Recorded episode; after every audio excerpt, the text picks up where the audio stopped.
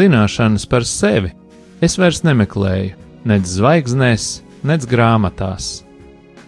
Es tās atrodu, ieklausoties pats sevī.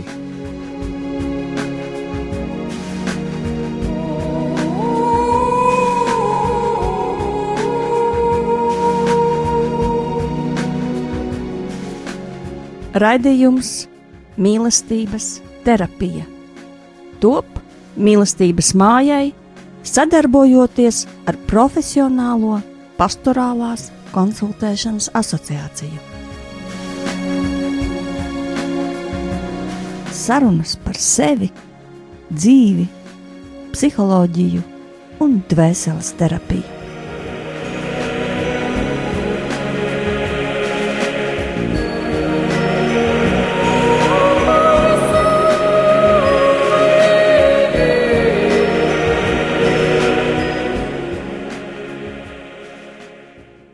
Labvakar, mīļie radio klausītāji!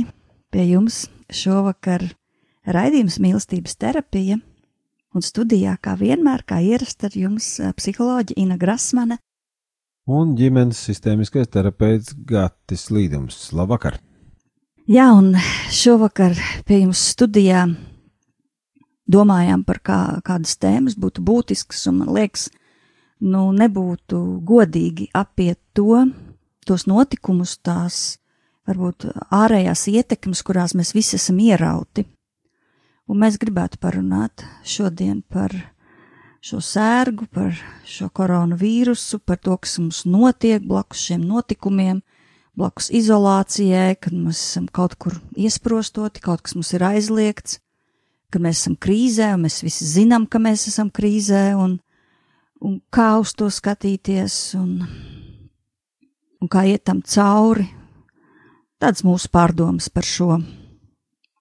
Un eh, es varbūt iesākt gribētu ar vienu centrālo vārdu. Gatis eh, bija ielicis mūsu pastorālās konsultēšanas Facebook mājaslapā rakstu par šo tēmu arī. Un man liekas, ka tam rakstam bija centrālais vārds. Es vismaz priekš sevis viņu tā izvilku - uzticēšanās. Uzticēšanās. Un eh, man liekas, ka šis ir uzticēšanās pārbaudījums mums visiem. Bet uh, vārds uzticēšanās, ja mēs tā nu, ļaujamies tam pārdomām un meditācijai, ir dziļš vārds. Ļoti dziļš. Mēs esam pieraduši lietot šo vārdu. Es uzticos dievam, es ticu dievam, es uzticos, nu, arī ļoti āršķirīgi varbūt, bet um, tā uzticēšanos izdzīvot, izdzīvot kopā ar dievu, Tas nav vienkārši un iespējams tam mūsos ir kaut kādi šķēršļi, būtiski šķēršļi, kāpēc mēs paliekam iesprostoti kaut kur, nespējot iet šo uzticēšanās ceļu, un šeit nav nekāda saistība ar to, kādā ticībā tu esi, kādā konfesijā tu esi. E, uzticēšanās ir saistīta ar attiecību kvalitāti, ar to, kā es, kādas ir manas attiecības ar Dievu. Un, manuprāt, tam, ka tu varbūt nespēja līdz galam autentiski piedzīvot uzticēšanos vai šo uzticēšanās svētceļojumu, ir nu, vairāk iekšēji šķēršļi. Tie ir pavisam vienkārši šķēršļi. Es pat negribu iegrimt ārkārtīgi kaut kādās sarežģītās zinātniskās dimensijās. Un viens, ko mēs visi pārdzīvojam, daudz cilvēku pārdzīvo mūsdienās, ir bailes. Ir vienkārši bailes, jo uh, nu, tas, pie kā tu esi pieredzējis, tas, uz kā tu esi turējies, tas, uz kā tava drošība turējās, brūk. Vienkārši brūk. Varbūt tas, ko tu esi cēlis, varbūt tas ir kāds uzņēmums, varbūt kad, um, tā ir kāda finansiāla drošība, ko tu esi cēlis, kur tu esi ieguldījis daudz darba un sevis, tas vienkārši brūk. Un, protams, kad ir bailes. Un tās var būt dabiskas, cilvēciskas bailes, Tā var uh, citam cilvēkam, trauksmēnākam, būt vispār panika par savu dzīvi un par savu eksistenci, un tā var būt nespēja gulēt naktīm. Tas var būt ļoti sāpīgs domas par to manu nākotni un par to, kas ar mani notiek. Un es pati pagājušā naktī aizgāju, vakarā aizgāju gulēt ar jautājumu dievam, diez, ko es neesmu izdarījusi, ja man vajadzētu rītā nomirt, ko es neesmu izdarījusi Un es atbildēju šo jautājumu priekš sevis, ko es būtisku neesmu izdarījusi. Un cēlos šodien, lai to darītu. Tā tad ir, ir šie jautājumi, daudzi eksistenciālie jautājumi un bailes. Tas ir viens šķērslis, kas mums traucē būt tuvāk dievam, būt, uzticēties viņam. Vai vēl, man liekas, kāda cita ļoti būtiska lieta ir paradumi, mūsu tādi, kas mūs vada, Un, ja cilvēkam nav pieredzes, ka kāds viņam ir palīdzējis, nu, ļoti traumējoša bērnība, kur tev pašam vajadzēja izķeproties uz dzīvību un nāvi, vai, nu, tu esi vispār tāds stiprs cilvēks, kas pieredz ar savu spēku izsist vienkārši sev vietu, un tad ir ļoti grūti pieņemt to, kad ir situācijas, ka tavs spēks vairs tev nepalīdzēs. Nu, ka tev ir vienkārši jāuzticās. Nu, tas ir tā kā, ka mēs metamies peldēt. Nu, mums kaut kur jāuzticās ūdenim, ķermenim, sev, garš dievam ir jāuzticās. Un tad šis var būt viens tāds traucēklis, kā atraisīties, kā iet tālāk par savu spēku. Vai varbūt cits čērslis var būt eh, tāds, eh, es nezinu, es teikšu viltus, tas varbūt mans subjektīvs tāds viedoklis, nevienam negrib to uzspiest, eh, bet tāda drošība, kuru tu atrodi, nu, savā naudas makā varbūt, vai nu, tātad ekonomikā, vai ir drošība, kur tu atrod tajos cilvēkos, kas tev ir blakus, bet šodien varbūt tev viņi nav vairs blakus. Šodien tu viņus nevar satikt. Šodien tu vari viņus satikt varbūt attālināti, un tas ir pavisam citā kvalitātē. Šodien tu paliec viens pats ar sevi, ar savu ģimeni, ar savām attiecībām. Tas var nebūt vienkārši, un ja tajā ir tava drošība, ja tajā ir tava dzīvība, dzīvības atslēga, dzīves kvalitātes atslēga, tad ir ļoti grūti uzticēties, tad ir būtiski saprast, kas tad ir tas elks, kuram es ticu, kurš ir mans dzīves ankurs, un kuru Dievs grib, nu, tā kā sīpola mīzu, es teiktu, no manis atdalīt, nomizot. Un uh, vēl varbūt pēdējais, kā es redzu, tāds šķērslis, kas ļauj cilvēkam tā pa īstam uzticēties Dievam, ir viņa paša egoisms un lepnība, jā, laikam lepnība arī tā varētu teikt, jo, piemēram, tāds pavisam vienkāršs gadījums, e, mūsu bērns dejo, deju kolektīvā, protams, šajā laikā kādas dejas, e, neviens nedejo, sākumā mēģināja attālināti, un tad tur kāda attālināti, ja, dejas, un, un tie pedagogi raksta, viņi raksta, nu, pamēģin, pamēģinās visu kopā noturēt mūsu skolu, deju skolu, studiju, mēs jau saprotam, ka nav par ko maksāt. Bet varbūt tomēr maksājam, cik katrs varam, lai noturētu, jo pa telpām mums tāpat jāmaksā, nu, lai noturētu to skolu. Un mēs savā starpā ģimenē runājam par to, jo mēs arī sūtam, protams, šādu vēstuli saviem vecākiem, kā izglītības iestāde. Mans vīrs saka, nu, varbūt nevajag maksāt. Es saku, ka vajag. Nu, mēģinām maksāt tik, cik mēs varam, jo mēs arī gribam, lai mums šeit tāda kristīgās dzīves izdzīvošana reālajā dzīvē, nu sadodamies rokās, nu maksājam viens otram, lai mēs noturētos virs ūdens, palīdzam viens otram, un tad, ja mēs skatīsimies tikai uz sevi un tikai prasīsim priekš sevis, no valsts palīdzību, no vēl kaut kurienes palīdzību, un nepratīsim to padot tālāk, man liekas, ka kaut kā tā uh, dieva svētība, nu, var iesprūst, un tad atkal jautājums, kur tad ir šī uzticēšanās, un tad mēs būsim tie, kas varbūt raudāsim uz Dievu, kāpēc man neveicās. Nu, varbūt, tas ir arī viens no pārbaudījumiem, kurus mums jā, jāiztur, kā esot atsevišķi palikt kopā.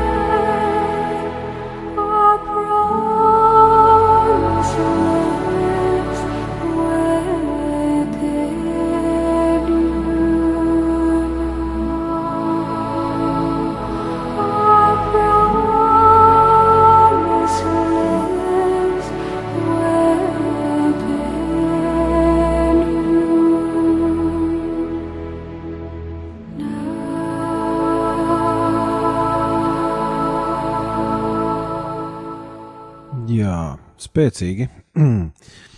Zini, um, nu tā jau ir, kā tu teici arī sākumā, ka nu, ja visapkārt visi runā par šo, un mēs esam tās epidēmijas pašā vidū, tad, protams, būtu droši vien negodīgi, ja mēs par to nerunātu. No otras puses, man tas varbūt pat liktos simpātiski, ja visi par to runā, cik forši būtu, ja kāds par to arī nerunā, bet, nu labi, tad šis raidījums ir veltīts šai tēmai, un tad mēs arī runājam, nu tad mēs runājam.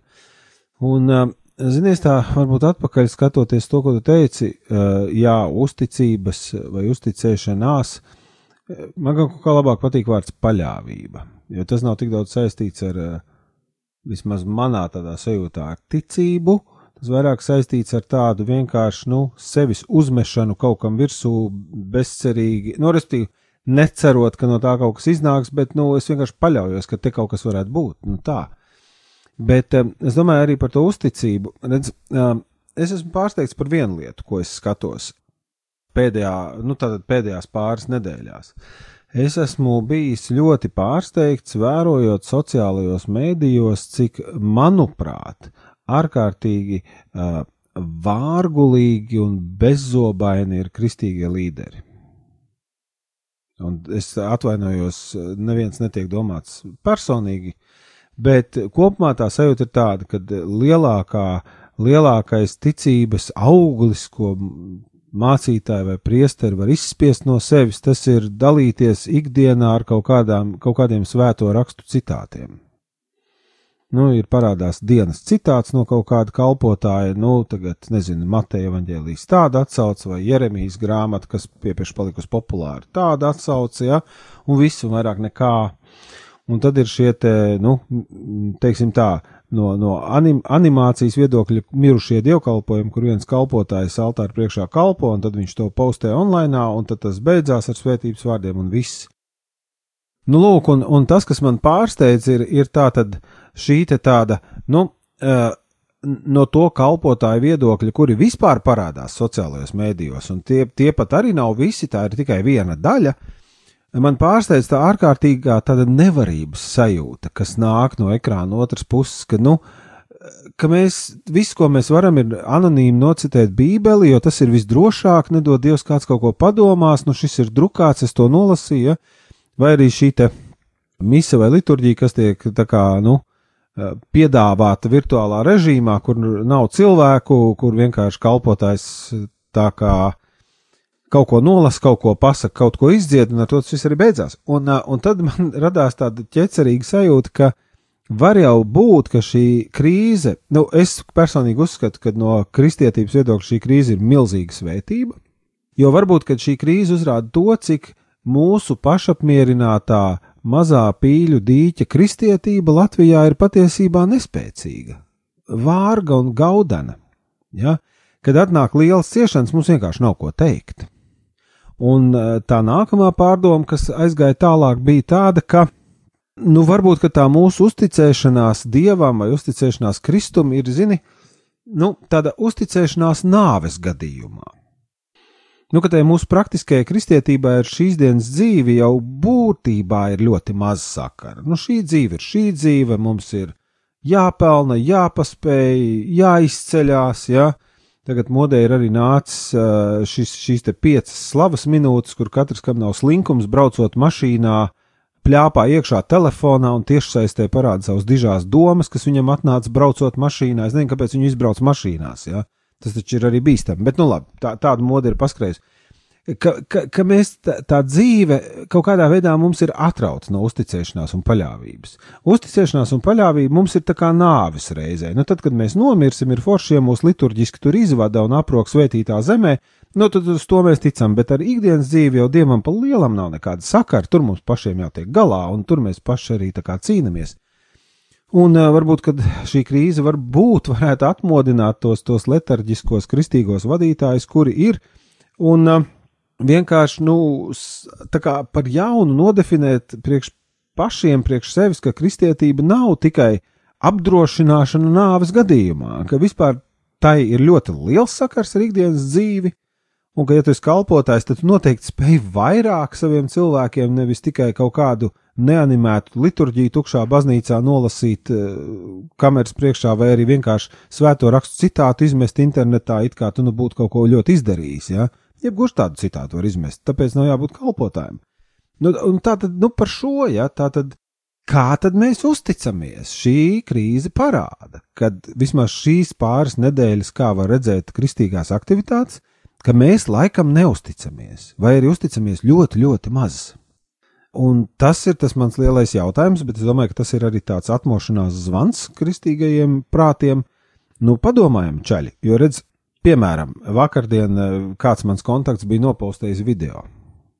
Piemēram, a video ir sekojošs no Amerikas. Nu, protams, Amerika ir liela valsts, mēs esam maza valsts, mēs jau nevaram samēroties tur kaut kā tā, ja.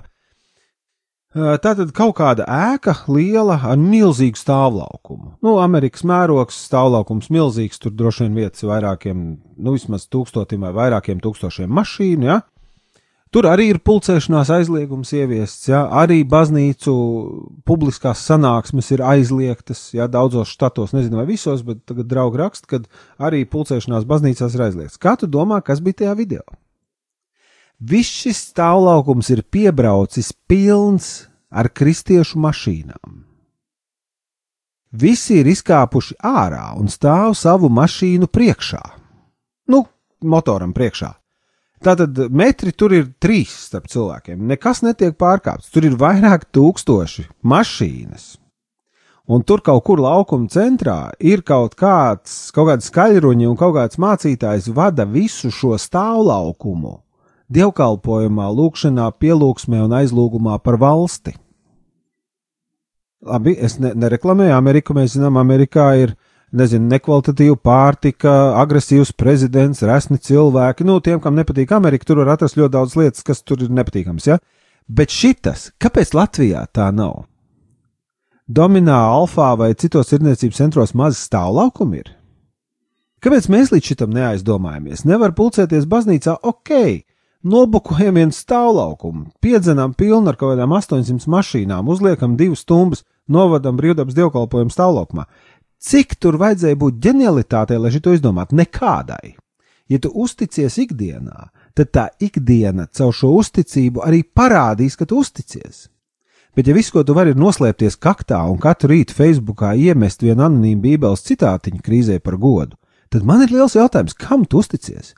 Un vai tā tava uzticēšanās vispār ir viena eh, apsūdzējuša graša vērta? Es negribu būt uh, nu, kaut kādā veidā apsūdzošs, jo ne jau arī mana ticība ir granītā kalta. Man arī ir šūpīgas lietas, kuras man ar Dievu ir jāizrunā, un tā. Bet principā tas ir viens mans jautājums. Otrs.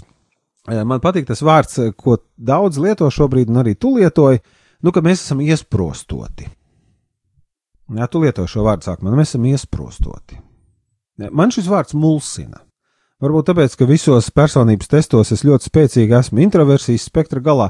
Es neesmu iesprostots, es beidzot esmu atbrīvots. Paldies koronai, Covid-19. Es beidzot esmu atbrīvots. Es esmu atbrīvots no tā žurku skrējiena, ka man ir jāpaspēj tur, man ir jāpaspēj tikos, man ir šis jāpaspēj. Nē, beidzot es nekur varu neskriet. Ir tik labi. Jo es visu laiku esmu mocījies ar to, ka man kaut kur ir jāskrien. Tagad nekur neviens neskrien. Ielas ir tukšas, var izbraukt ar mašīnu, jebkurā diennakts laikā, var noparkoties, ar cimdiņiem rokā aiziet, jebkur izdarīt. Eh, nu, eh, viss notiek, jā. Es varu arī atcelt kaut kādas lietas, pārcelt kaut kādas lietas. Es esmu laimīgs, man beidzot ir laiks vairāk nekā man viņš vienmēr bijis vajadzīgs, un šobrīd man pietiek, jā. Bet tas ir arī intrapsihisks jautājums, kurš cilvēks jūtās iesprostots un kurš beidzot jūtās atbrīvots no tā skrējiena, tā kā, piemēram, manā gadījumā es atkal nav viennozīmīgi. Eh, tas ir izaicinājums, tas ir pašpārbaudas laiks. Protams, ka Covid beigsies, protams, ka mēs dzīvosim citādākā pasaulē pēc tam. Es domāju, ka tā būs daudz autoritārāka pasaule, ja, kur valdība spēlēs daudz lielāku lomu cilvēku dzīves regulēšanā. Nu, lai Dievs dod, ka es kļūdos, bet visi zīmes rāda, ka tieši tajā virzienā mēs ejam. Bet atkal, nu, kas tas ir priekš manis? Vai šī krīze man beidzot ir, ir tas ilgi gaidītais nomierināšanās periods, kurš, es domāju, dievišķajā apredzībā sakrīt ar gavēņu laiku, tas vienkārši fantastiski. Ja? Nu, ja jūs neviens kristieši vairs negavējat, nu, tad šeit jums Covid-19 vismaz pagavējat aiz bailēm no vīrusa, nu, vismaz domājiet par pārlaicīgām lietām. Tā kā kuram tā ir atbrīvošana, kuram tā ir iesprostošana, tie ir tie jautājumi, kas mums jādomā. Bet tas viss ir par to, par uzticēšanos, kam tad mēs ticam, un vai tā ticība, kuru mēs ar izriestu krūti nesam ikdienā, ir tiešām ticība, vai arī tā ir vienkārši apdrošināšana nāves gadījumā. Nu, lai nu nenonāktu ellē un tiktu aprakts svētītā zemē, nu tad tam dieviņam ticam, bet pa lielam jau ikdienā no tā nekāda tur jēga vai, vai liels uh, svētības no tā es nejūtu. Nu, jādzīvo visiem, nu dzīvojam kaut kā tā.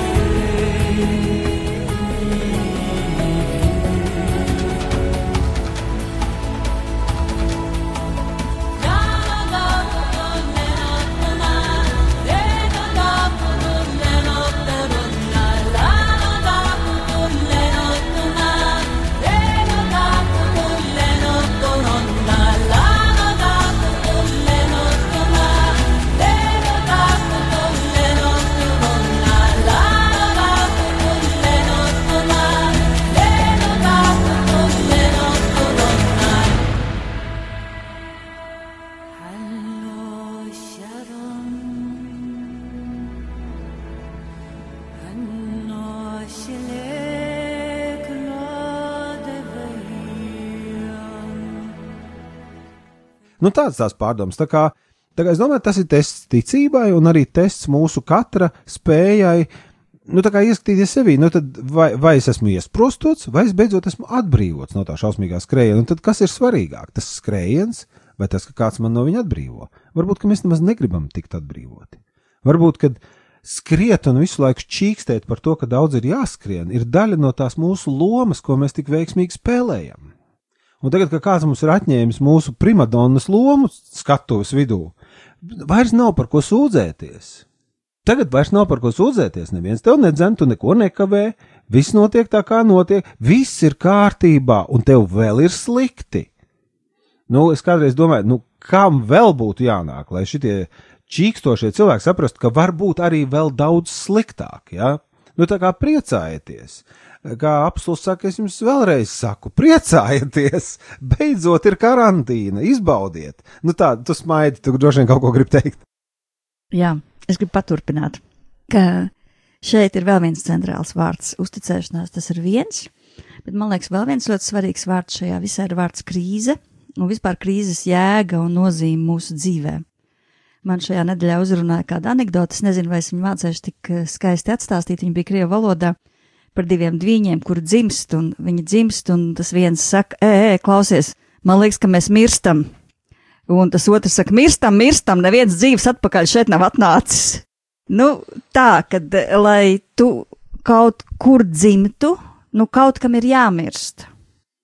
Un par to, man liekas, ir krīze vienmēr, un, Un šī viennozīmīgi ir krīze sabiedrībā kopumā un vispār pasaules sabiedrībā, ne tikai Latvijas sabiedrībā, bet es domāju, ka krīze ārēji, nu, es vismaz arī tā esmu skatījusies uz dzīvi, atspoguļo kaut kādu ļoti dziļu krīzi manī.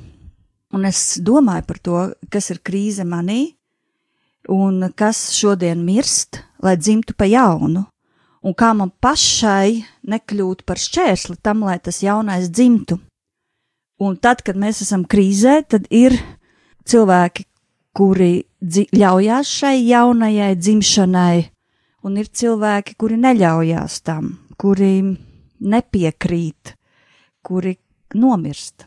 Tā varētu teikt, iekšēji vai domāšanā, vai paliek uzticīgi tiem vecajiem kādiem stereotipiem, un man liekas, ka krīze liek domāt pa jaunam vienmēr.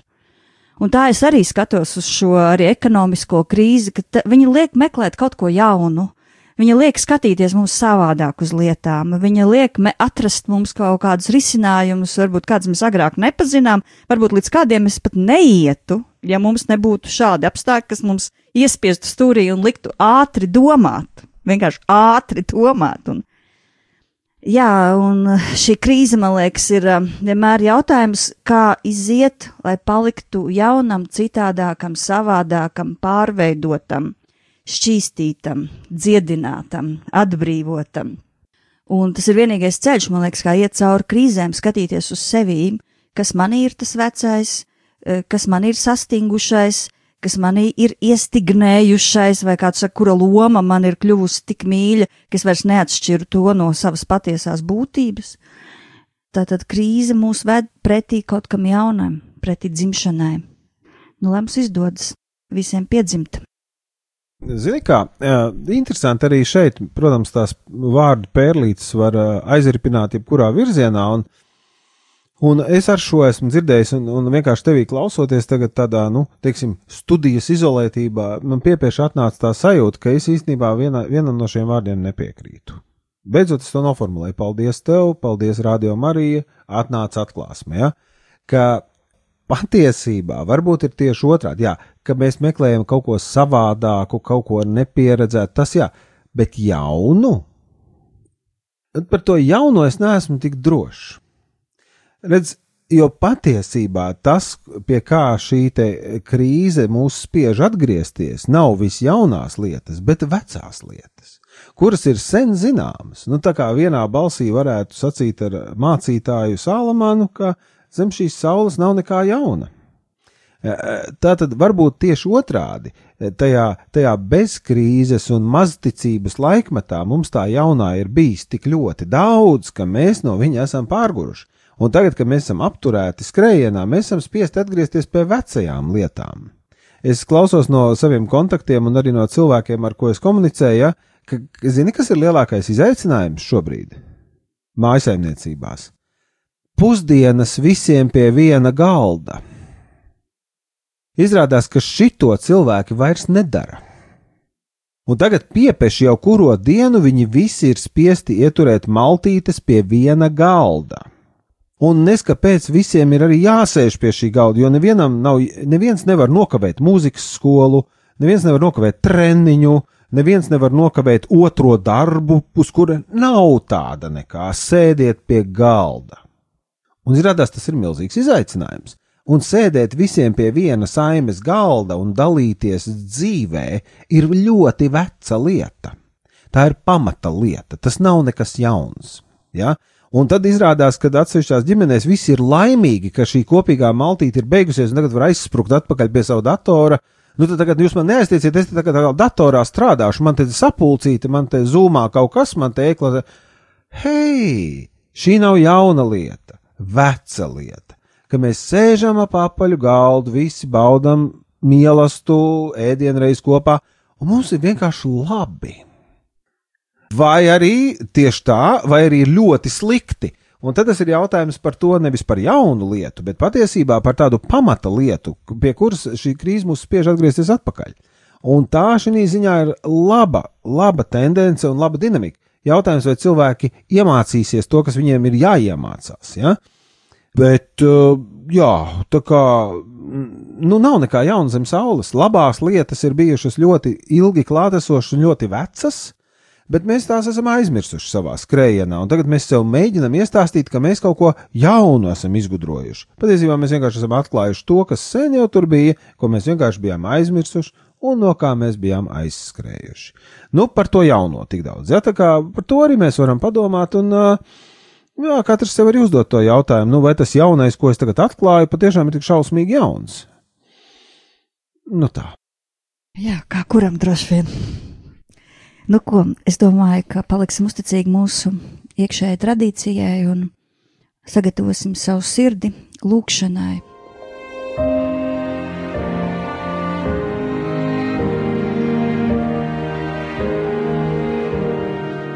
Pagriezīsim savu sirdi pret Dievu, pret Jēzu Kristu, viņa vienpiedzimušo dēlu. Lūksim, kungs, lūksim viņa garu mūsu vidū. Lūksim viņa svēto garu katrā mūsu dienā, un lai mēs esam viņa gaismā, lai mēs esam gaismas bērni, lai mēs redzam gan sevi, gan citu cilvēku, lai mēs spējam iet tālāk šajā uzticēšanās ceļojumā, lai mēs spējam palikt kopā, mīlēt viens otru, trenēties, pateikties, svētīt viens otru savu klātbūtni un ieraudzīt arī visus tos šķēršļus, kas mums traucē būt blakus vienam otram, kas mums kas ir ievainojošs priekš tuvākajiem, lai mēs spējam pieaugt. Pieaugt kā debesu valstības bērni, kā tas arī mums ir paredzēts. Visu mēs lūdzam Dieva tēva, dēla un svētā gara vārdā. Amen!